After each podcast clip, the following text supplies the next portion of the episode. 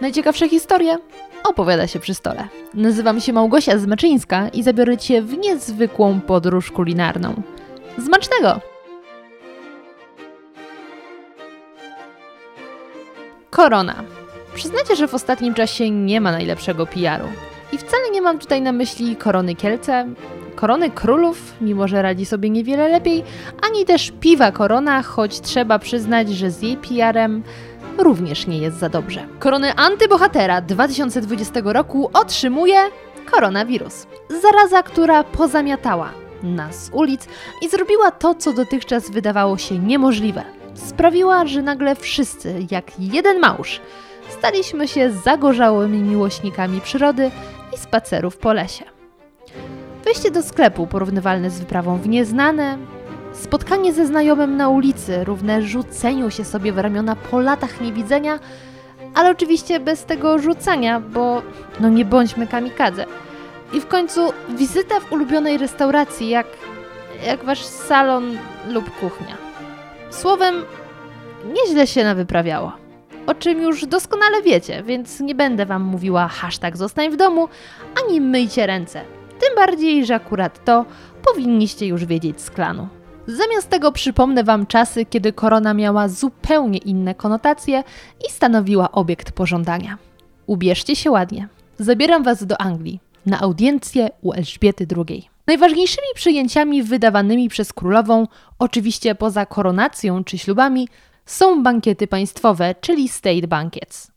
Zazwyczaj wyprawia się je w sytuacji, kiedy pałac odwiedzają głowy innych państw. Jeśli oglądaliście The Crown, to być może pamiętacie odcinek, kiedy księżna Małgorzata poleciała za ocean, aby załatwić starszej, mniej rozrywkowej siostrze zastrzyk gotówki dla osłabionego budżetu.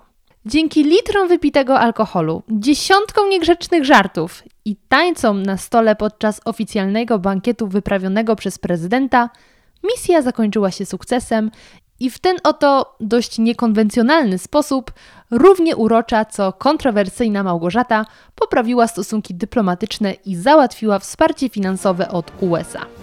W dużym uproszczeniu to właśnie po to są wyprawiane te bankiety dla poprawy lub umocnienia stosunków dyplomatycznych. Wśród gości, oczywiście poza głową innego państwa lub innym wysoko postawionym przedstawicielem rządu oraz licznymi członkami rodziny królewskiej, Choć nie powiem Wam, czy tyczy się to również Meghan i Harego, w przyjęciu uczestniczą także brytyjscy politycy i czołowe postacie z innych dziedzin, a także cenieni obywatele z gościnnego kraju, na co dzień mieszkający w Wielkiej Brytanii. Więc jeśli mieszkacie na wyspach, nie byliście karani, mówiliście dzień dobry sąsiadom i dbacie o higienę osobistą, istnieją szanse, że kiedy następnym razem prezydent Polski spotka się z królową, otrzymacie list z Hogwartu. Wróć, z Buckingham z zaproszeniem. Zanim jednak zamówicie Ubera pod pałac, spójrzcie raz jeszcze na zaproszenie, ponieważ niektóre bankiety są wyprawiane w zamku Windsor w Berkshire. Co prawda oba te miejsca dzieli, jak sprawdziłam, 35 km, które przy dobrych wiatrach moglibyście nadrobić w jakieś 40 minut, to jednak nie warto ryzykować. Dlaczego? Ponieważ powstała w 1914 roku sala balowa w pałacu Buckingham, może pomieścić około 170 osób. Dlatego lepiej zarezerwować sobie nieco więcej czasu, aby później w popłochu nie szukać swojego miejsca. Planowanie tego typu uroczystości rozpoczyna się nawet rok wcześniej. Gdy tylko wszystkie zaproszone osoby potwierdzą swoją obecność, Master of the Household zaczyna rozmyślać nad usadzeniem gości. Jeśli kiedykolwiek wyprawialiście imprezę, na której miały się zjawić dwie zwaśnione osoby, z pewnością zdajecie sobie sprawę, że dopilnowanie, aby ich ścieżki w żadnym momencie się nie skrzyżowały, jest nie lada wyzwaniem. Jak więc radzi sobie nasz mistrz gospodarstwa domowego? Robi to przy pomocy 2,5 metrowej mankiety oraz karteczek z imionami gości. Kluczem do sukcesu jest dokładna analiza, które osoby spotkały się wcześniej i mogą chcieć usiąść obok siebie, a także w jakich językach się porozumiewają, żeby problemy komunikacyjne nie zakłóciły przyjęcia. Cztery miesiące przed bankietem zespół rozpoczyna polerowanie zastawy. 5500 srebrnych oraz 2500 szklanych obiektów. Na uwagę zasługuje fakt, że personel jest starannie wyszkolony w zakresie konserwacji a czyszczenie odbywa się za pomocą tradycyjnych narzędzi. Szczotki z końskiego włosia dla srebrnej zestawy oraz ze świńskiego włosia do marmurowych rzeźb. W dniu bankietu od godziny 8 rano trwają intensywne prace. Sala jest przystrojona kwiatami, a stoły są ustawiane w kształcie podkowy. Królowa i jej honorowy gość usiądą przy górnym stole. Jako znak szacunku dla gości na stole lądują najcenniejsze elementy zastawy liczące setki lat. Po kolei są układane złożone serwetki, następnie po 6 sztućców dla każdego gościa oraz noże do masła, 12 wiader lodu, prawie 120 solniczek, około 300 talerzy obiadowych i ponad 1100 szklanek. Stop. 300 talerzy i 1100 szklanek? A czy ta sala nie miała pomieścić około 170 osób? Punkty za czujność jednak nie za przyłapanie mnie na nieścisłościach. Trzeba bowiem pamiętać, że królewskie posiłki swoją nazwę zawdzięczają nie tylko tytułowi osoby, która je wydaje. One po prostu są robione na bogato. Bankietowy posiłek składa się z czterech dań, podczas gdy pierwsze i drugie danie, zwykle ryby, a następnie mięso, podawane są na posrebrzanych talerzach, puddingi i owocowe desery podawane są na porcelanie. Każdy gość ma do dyspozycji sześć kieliszków. Sześć kieliszków. Na wodę wino czerwone i białe, wino deserowe, szampan i porto. Oprócz tego otrzymuje kilkanaście sztućców. Jednak o tym, co z tym fantem począć, pogadamy nieco później. Menu jest wybierane przez samą królową spośród czterech, które zaprezentują jej szefowie kuchni. I to również królowa przed rozpoczęciem bankietu osobiście sprawdza przygotowania: zastawę, muzykę czy kwiaty.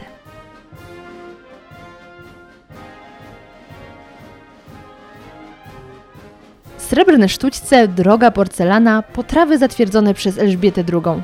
Wszystko pięknie ale być może w waszych głowach właśnie zaświeciła się ostrzegawcza lampeczka.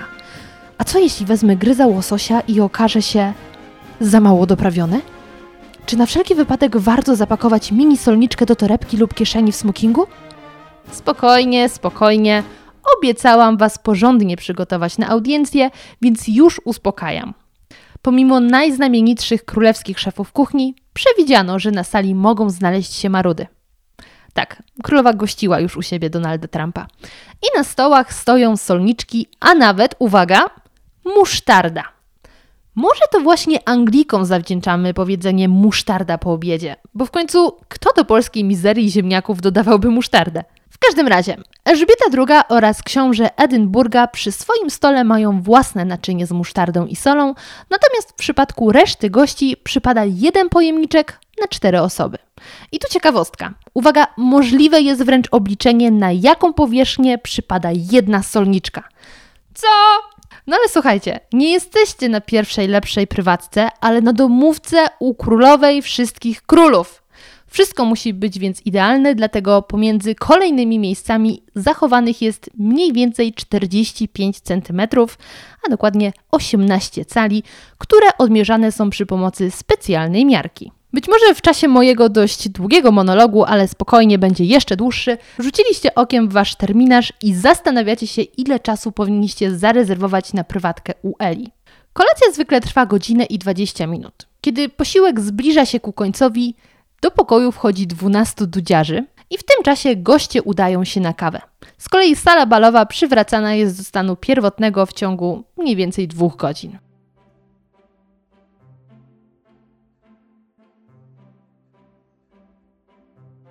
Zanim jednak wypuszczę Was do wielkiego świata, warto, abyście dowiedzieli się nieco więcej o brytyjskiej monarchii z kulinarnej strony.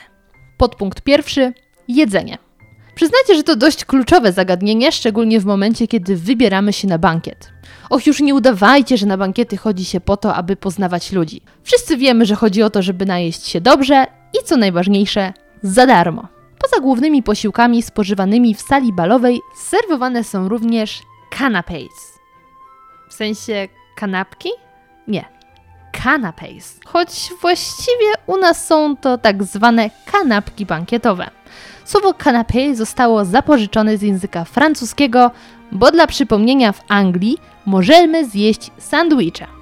W jednym z filmików, które obejrzałam przygotowując się do tego odcinka, usłyszałam, że w przygotowanie tych kanapeczek jest zaangażowanych aż 20 kucharzy, którzy w ciągu 3 dni robią ich, uwaga, uwaga, 15 tysięcy. Zastanawiacie się, co robią z tymi wszystkimi, które zostaną po przyjęciu? Oni się nie zastanawiają, bo cały zapas schodzi w dosłownie kilka godzin.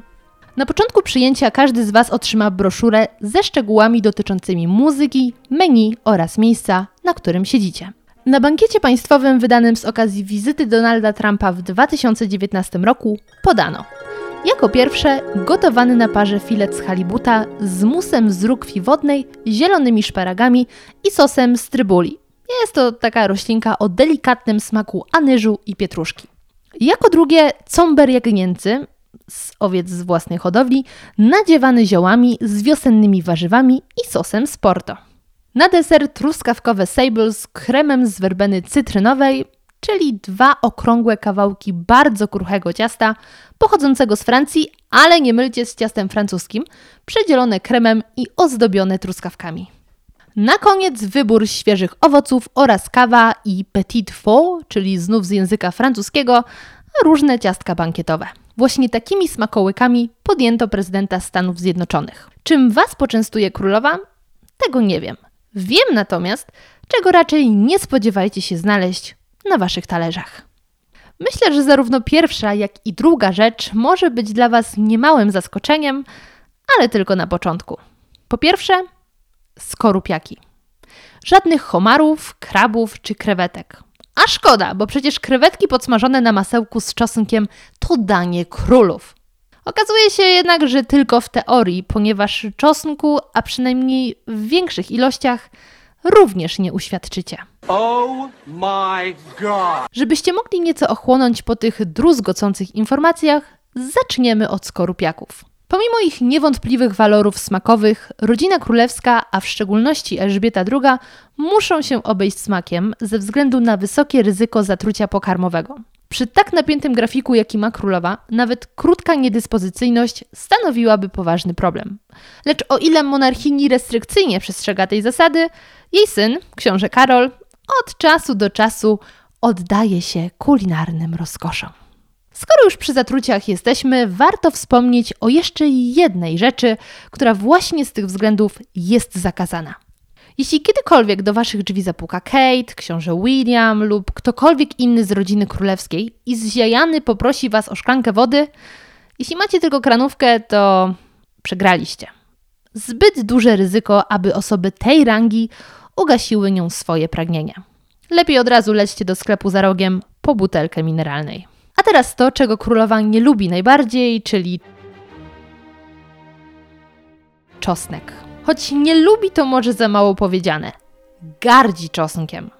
Cóż, o gustach się nie dyskutuje i jeśli Elżbieta II nie chce jeść czosnku, ma do tego pełne prawo. Szkoda w tym, że wraz z nią nie może go jeść cały pałac a przynajmniej podczas bardziej oficjalnych uroczystości lub posiłków spożywanych w większym gronie. Jako główny powód tej bolesnej dla wielu członków rodziny decyzji podaje się unikanie dyskomfortu podczas prowadzonych rozmów, który mógłby zostać wywołany przez daleki od przyjemnego oddech po czosnkowej potrawie. I trzeba przyznać, w tym szaleństwie jest metoda. Skoro już jesteśmy przy upodobaniach, wiem, że czekacie na jakieś dziwne zachcianki, niczym tylko zielone MMMsy czekające na gwiazdę roka po koncercie w garderobie. Naszą gwiazdą roka możemy uznać księcia Karola, który uwielbia jajka na miękko, gotowane dokładnie 4 minuty. Nie róbcie oczu kota ze Szreka, jeśli gotowaliście je 3 lub 5 minut. Nic tym nie wskóracie, więc lepiej od razu chwytajcie za nowy garnek i jajko. Zatrzymajmy się jeszcze na chwilę przy księciu Wali. Poza tym, że jest wielkim miłośnikiem jajek, ma on jeszcze jedną miłość i wcale nie mam teraz na myśli Kamili. Można by powiedzieć, że był eko, a także zero waste, zanim ktokolwiek zaczął jeszcze używać tych sformułowań. Bo choć cała rodzina królewska odżywia się zdrowo i naturalnie, szczególnym orędownikiem tego podejścia jest właśnie Karol – Jeszcze w czasach, kiedy żyła Diana, jako para zwracali szczególną uwagę na to, żeby jedzenie, które trafia na ich talerz, było pełnowartościowe i złożone w pełni ze świeżych składników. Zasada ta dotyczyła wszystkiego: od warzyw i mięsa, przez makaron, po nawet lody.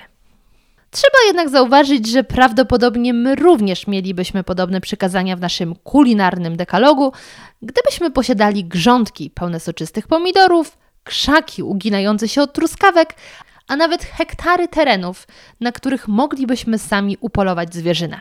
Choć co do ostatniego, nazwijmy to przywileju, mam spore wątpliwości. Książę Karol jednak ich nie ma i uwielbia jeździczyznę, którą sam upolował.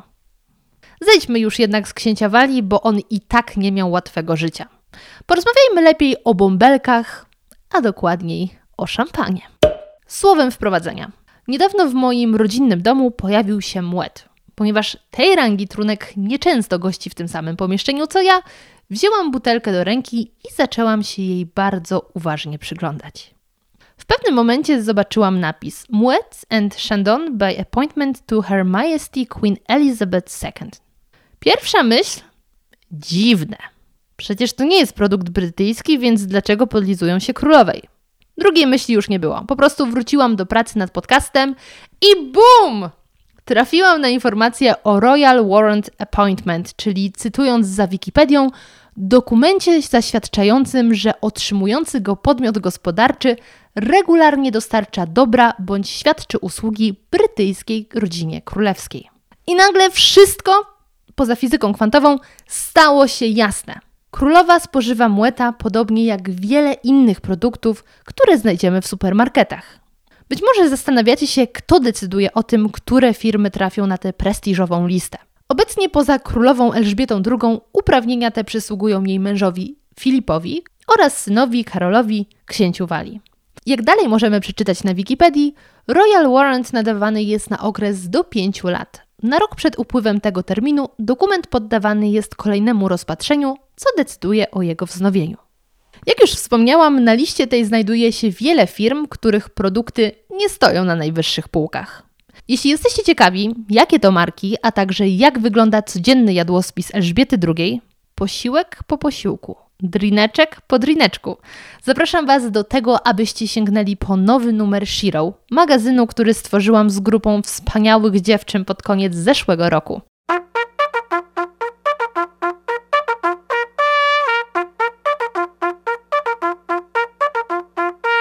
To właśnie najnowsze wydanie, które dziś ujrzało światło dzienne, jeśli słuchacie podcastu w dniu premiery 27 kwietnia 2020 roku, było inspiracją do nagrania tego odcinka. Na ponad 80 kartkach specjalnie mówię kartkach, a nie stronach, bo później mówię słowo stronach i to by było powtórzenie, więc na ponad 80 kartkach podjęłyśmy temat korony z przeróżnych stron. Mody, motoryzacji, sztuki, dietetyki, społeczeństwa. Co więcej, w numerze tym znajdziecie również wywiad z samą królową, podcastów Asią Okuniewską. Także bardzo serdecznie Was zapraszam do czytania. Magazyn znajdziecie na stronie Shiro, pisane jak Hero, tylko z S na początku, myślnikmagazin.pl.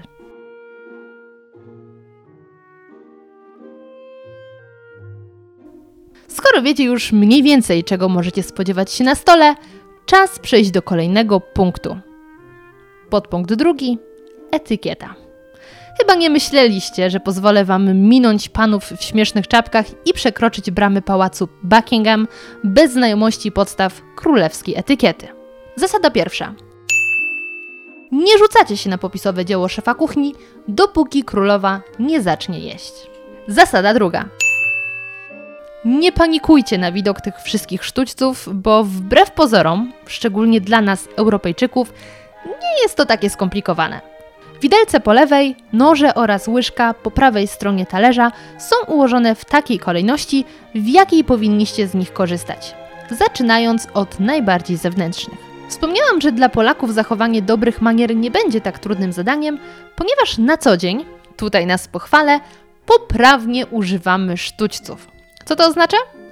Widelec trzymamy w lewej, a nóż w prawej ręce i to nie zmienia się w czasie całego posiłku. Czekaj, czekaj. A jak miałoby się zmieniać? Nie wiedziałam, dopóki nie zagłębiłam się w temat, dlaczego amerykańskie strony poświęcają temu zagadnieniu tak dużo miejsca. Okazuje się jednak, że przeciętny Amerykanin najpierw chwyta za sztućce w taki sposób jak my, potem kroi kawałek, przy okazji małe przypomnienie, widelec wbijamy w ten kawałek, który następnie wyląduje w naszej buzi, a nie w ten, który zostanie na talerzu. Wiem, brzmi zawile, ale równie zawiłe są manewry, których niektórzy dopuszczają się na swoich talerzach. Wracając jednak do Amerykanów. Po ukrojeniu kawałka odkładają oni nóż, przenoszą widelec do prawej ręki i dopiero wtedy kierują upolowaną zdobycz w stronę ust. Choć komentarze z oceanu wskazują, że to my robimy niezłe kombinacje z widelcem, mam pewne wątpliwości. Zasada trzecia. Jeśli musicie na chwilę odejść od stołu, nie sygnalizujcie tego. Niech zrobią to wasze sztućce. Wypiliście za dużo winka i chcielibyście zrobić w organizmie miejsce na kolejne kieliszki. Zawartość tych kieliszków nie szkło, bez głupich pomysłów. W tej sytuacji skrzyżujcie sztućce na talerzu, widelec zębami do góry i udajcie się w ustronne miejsce. Natomiast w sytuacji, gdy pomimo wielkich chęci nie przełkniecie już ani gryza, ułóżcie sztućce w prawej dolnej części talerza na 10.20. Zasada czwarta. Palce przy sobie, czyli popijając herbatę w czasie 5 o'clock, nie wystawiajcie małego palca. Pozwólcie mu zostać obok pozostałych czterech kumpli. Zasada piąta. Nawet jeżeli kochacie F1, nie bądźcie jak Lewis Hamilton. Kierowca w 2015 roku wywołał skandal. Dobra, bez przesady. Słowo skandal z pewnością krzyczałoby z nagłówków, jednak w praktyce było to po prostu naruszenie etykiety pałacu. Cóż, że uczynił tenże jegomość? Ano odezwał się do królowej w nieodpowiednim momencie. Jaki jest zatem odpowiedni moment, zapytacie? A to już zależy od tego, po której stronie waszej wysokości siedzicie. Królowa w czasie trwania pierwszego posiłku zawsze najpierw przemawia do swojego honorowego gościa, który siedzi po jej prawej stronie. Według informacji, które znalazłam w internecie, podobnie robią inne panie na przyjęciu. W pierwszej kolejności zagadują towarzysza siedzącego po prawej stronie. I to by oznaczało, że goście są usadzani naprzemiennie, czyli kobieta, mężczyzna. Przestrzeganie tej zasady pozwala zachować starannie zaaranżowaną choreografię, która ma zachęcać do konwersacji. A co z naszym Louisem? Jak już się pewnie domyślacie, chłopak siedział po prostu po niewłaściwej stronie, a przynajmniej niewłaściwej do rozmów przy rybie. Zasada szósta. Nawet jeśli na co dzień niespecjalnie interesują Was torebki, w czasie nasiadowy u Elżbiety II nie odwracajcie wzroku od jednej z 200 torebek marki Launer, które królowa ma w swojej kolekcji. To, gdzie w danym momencie znajduje się torebka, jest informacją, co zaraz się wydarzy. Jeśli w czasie rozmowy z Wami królowa położy na podłodze swoje warte tyle złota, ile z pewnością nie macie w swoim skarbcu cacko, wiedzcie, że coś się dzieje. I to nic dobrego. Torebka na podłodze oznacza, że musicie popracować nad swoim smoltokiem, bo królowa ma już dość waszego towarzystwa i opowiadań o nowym projekcie, nad którym pracujecie. Za chwilę podejdzie do was kobieta, która wybawi monarchinię z opresji.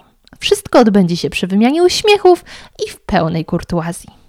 Załóżmy jednak, że odrobiliście lekcję sprowadzenia miłych pogawędek i głowa Wielkiej Brytanii uległa waszemu urokowi. Czy to oznacza, że nie musicie już z obawą spoglądać na torebkę? Absolutnie nie. Każdy gość powinien zważać na ten element garderoby do samego końca. Dlaczego?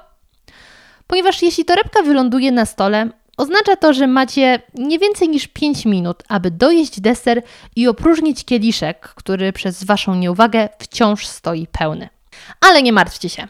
Ela to super kobieta i specjalnie trzyma na swoim talerzu jeszcze mały kawałek, żeby dać Wam kilka dodatkowych minut na przełknięcie bezy. Ok.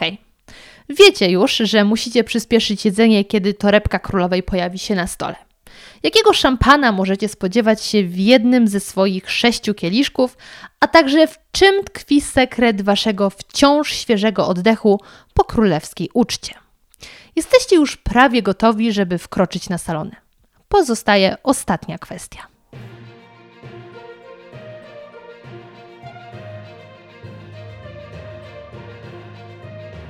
Podpunkt trzeci prezent.